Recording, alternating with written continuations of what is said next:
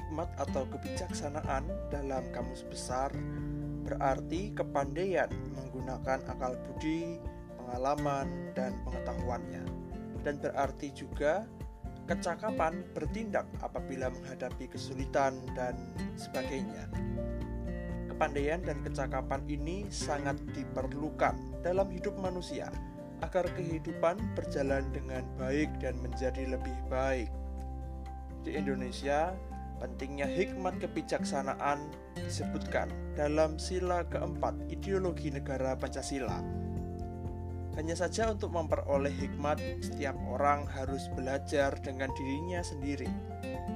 Anthony de Mello berkata bahwa kebijaksanaan bisa dipelajari, namun tidak bisa diajarkan pengajaran hikmat kebijaksanaan terus ada. Namun yang diajari tidak bisa begitu saja menjadi berhikmat atau bijaksana. Setiap orang harus belajar dengan sadar, aktif, dan rendah hati untuk memperoleh hikmat. Hikmat harus terus diserukan dan disuarakan agar orang-orang menyadarinya, ingat, dan tergerak untuk belajar memperolehnya.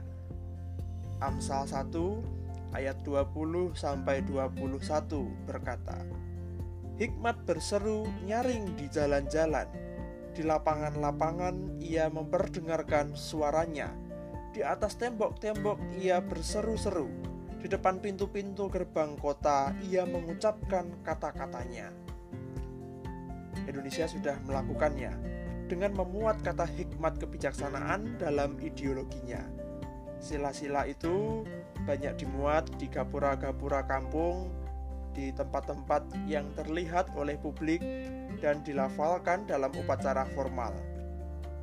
Kita pun dapat menyuarakan hikmat kebijaksanaan sambil terus mempelajarinya dalam rangka meningkatkan kualitas kemampuan hidup kita Hal ini dilakukan dari hal-hal kecil dan sederhana, namun berisi dan memuat nilai-nilai firman Tuhan dan nilai-nilai luhur kehidupan manusia.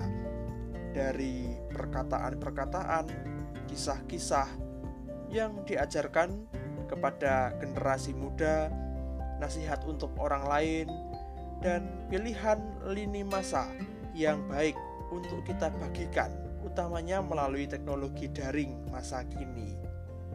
Hikmat itu begitu luas dan kaya, dan diupayakan seumur hidup manusia.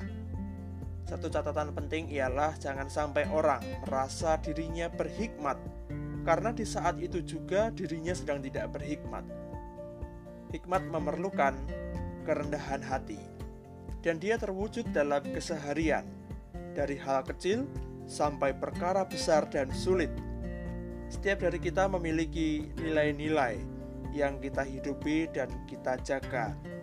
Mulailah dari situ dengan konsisten mewujudkannya sambil menyatakannya kepada orang-orang di sekitar kita melalui setiap kesempatan dan setiap media. thank you